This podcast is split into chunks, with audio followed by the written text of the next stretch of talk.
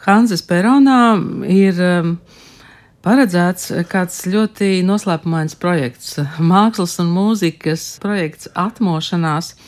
Un tajā sadarbosies divi mākslinieki, gleznotāja Marilēna Šiltkampa un pianists Reinis Zariņš. Un Reinis Zariņš šobrīd ir uh, mūsu viesis. Labdien! Labdien, labdien! Tur droši vien ir priekšvēsture, vai ne, šai sadarbībai, lai jūs kā pianists un uh, Marilēna Šiltkampa kā gleznotāja sadarbotos. Jā, vispār paldies, ka es varu vairāk pastāstīt par šo sirds lietu, jo pirms gadiem desmit man tāda ideja nāca prātā, ka gribas redzēt dzīvajā koncertā, ka tiek spēlēta mūzika, un tā mūzika tobrīd tajā mirklī arī tiek vizualizēta. Kā to panākt, kā to izdarīt, man nebija ne jausmas, bet es meklēju kādu, kas varbūt varētu būt ieinteresēts paeksperimentēt. Jo tas, ko mēs diezgan daudz varam redzēt, nu, varbūt ne gluži Latvijā, bet nu, vismaz internetā parakājoties, ir, ka vai nu gleznotājs uzliks fonā kādu relaksējošu mūziku, un tad tās fonā kaut ko gleznos, ko nu viņš ir izdomājis, vai arī mūziķi kaut ko spēlēs, un viņiem fonā ies kaut kādas vizualizācijas.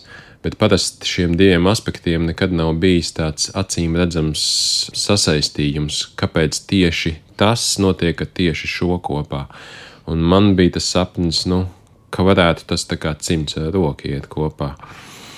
Un, um, kad nu es internetā atradu Marilēnu, it kā nejauši, bet nu nekas nav nejauši šai pasaulē, Tad, um, kādēļ es vispār ieinteresējos par viņas darbiem, ir, jo viņas, viņas darbu nosaukumi bija simfoniju nosaukumi, simfoniju daļu nosaukumi. Es domāju, pagaidi, tad viņa ir kaut kādā mērā šis ar mūziku ir saistīts. Dvoržāka simfonija vai Šostakoviča simfonija. Un vēl es pamanīju, viņai kaut kāda saistība ar Marisu Jansonu bija un ar, no nu, citiem man pazīstamiem mūziķiem.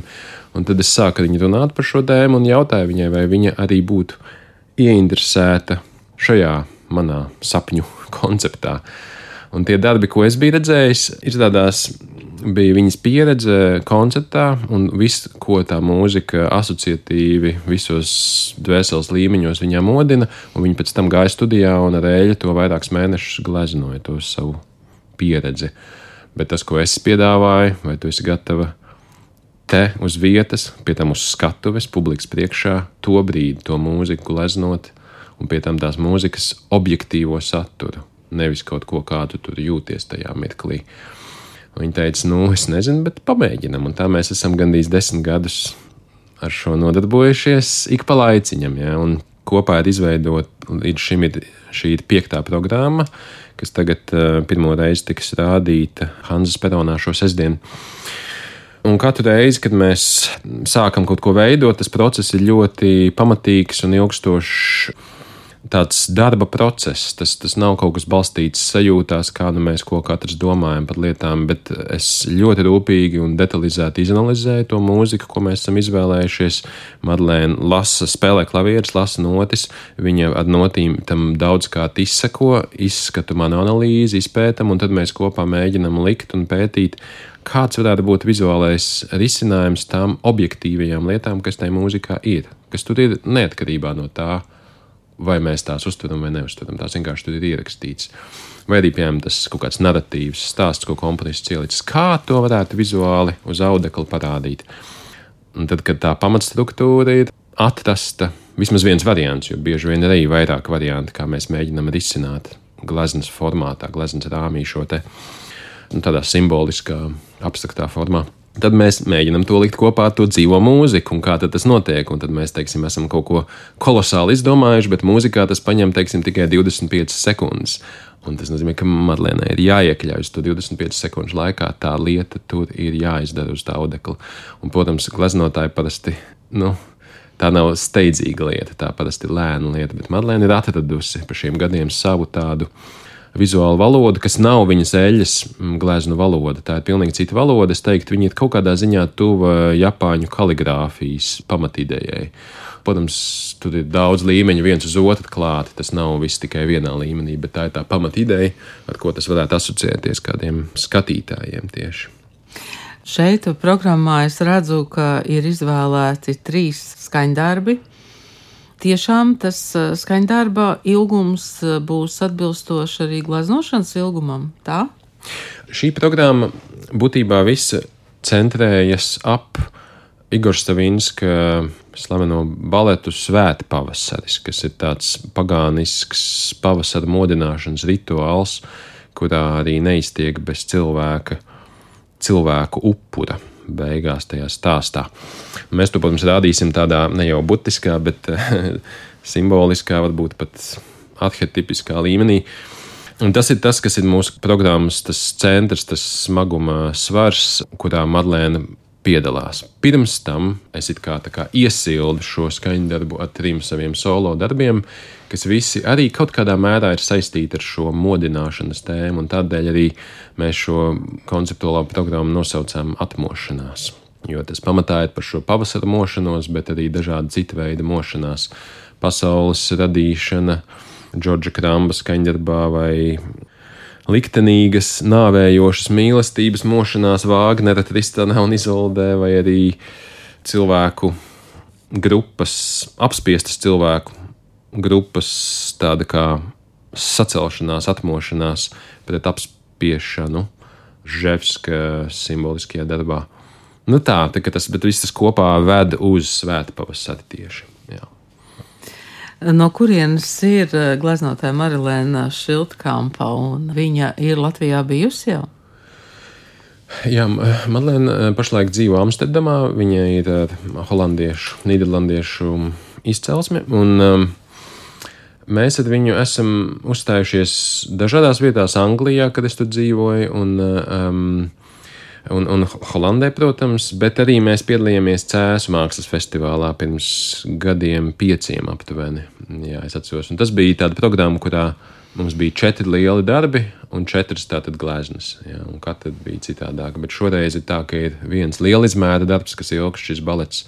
Ilgst savas 35 minūtes, tāds ļoti, ļoti apjomīgs darbs. Būtībā viss priekš mums visizaicinošākais, ko mēs līdz šim, šim gadiem esam vispār kopā salikuši. Un arī varbūt savā ziņā vismaz tik tālu, cik esam tikuši, viss oriģinālākais risinājums, kā to darīt kopā.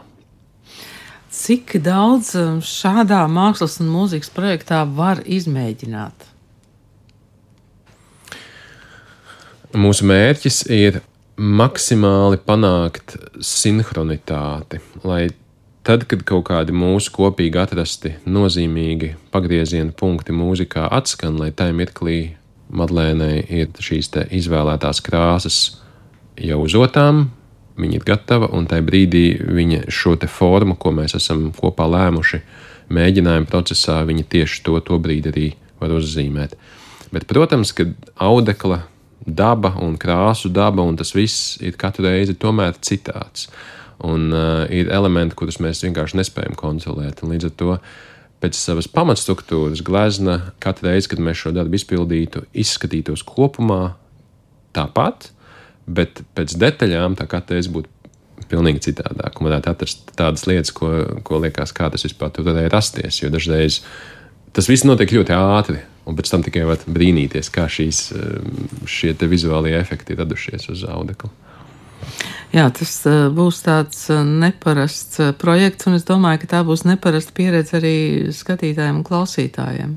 Jā, mēs ceram pielaist skatītājus pēc iespējas tuvu audekliem, lai viņi var nu, gan izēju fiziski sajust to, kā tas notiek. Nu, klavieru spēle cilvēki tomēr vai, vairāk vai mazāk tūmā arī redzējuši, un lai gan es tur diezgan iztrakošos pie klavierēm, mēģinot Stavinska simfoniskā orķestra partitūru ar saviem desmit pirkstiem kaut kā realizēt, bet uh, redzēt, kā tiek ātrā tempā ar spēcīgām krāsām un, un dažādiem žestiem un citiem arī rīkiem šīs divas lielizmēra gleznas radītas visu acu priekšā no nulles. Nu, tas ir kaut kas, ko man liekas, negribētos garām laist. Un tā ir tikai viena tāda reize, kad mēs to rādām. Šobrīd mums nav paredzēts to atkārtot. Jā, mēs esam pat domājuši, ka tādēļ, ka dažreiz šīs enerģijas, Madlēnas gleznošanas enerģijas dēļ, kādi krāsturēji lido pa gaisu, ka mēs tiem, kas sēdēs pirmajās pašās rindās, mums būs uz soliem arī tādi aizsarga um, nu, kā tādi mētelīši vai kas, ko var, ja ir vēlēšanās, var uzvilkt katram gadījumam, lai uz apģērbu kaut kas neuzkrīt. Jo ir gadījies, ka mums pašiem arī nedaudz kaut kas noķēpājas. Bet nu, pēc tam jau, nu jā, cerams, ka cilvēki. tas prieks no tās performances būs lielāks par kādu traipiņu, kas kaut kur varētu būt uzlidojis. Ja nu tā gadās. Jā, tā tad eh, šobrīd viena unikāla pieredze Hanzas Peronā sestdienas 17. jūnijā. Man jums vēl jautājums par jūsu e, šīs vasaras e, plāniem vai par to, kas tikko ir noticis. Mēs zinām, jums bija koncerts kopā ar Jānu Šipkevicu. Nu jā, tā bija ļoti laimīga pieredze, sen jau gaidīta un, un man liekas, pateicoties arī ļoti īpašai publikai tas izdevās skaisti. Un cerams, ka mēs ar Jānu vēl kaut ko varēsim kopā, šo pašu vai kaut ko citu vēl darīt kopā.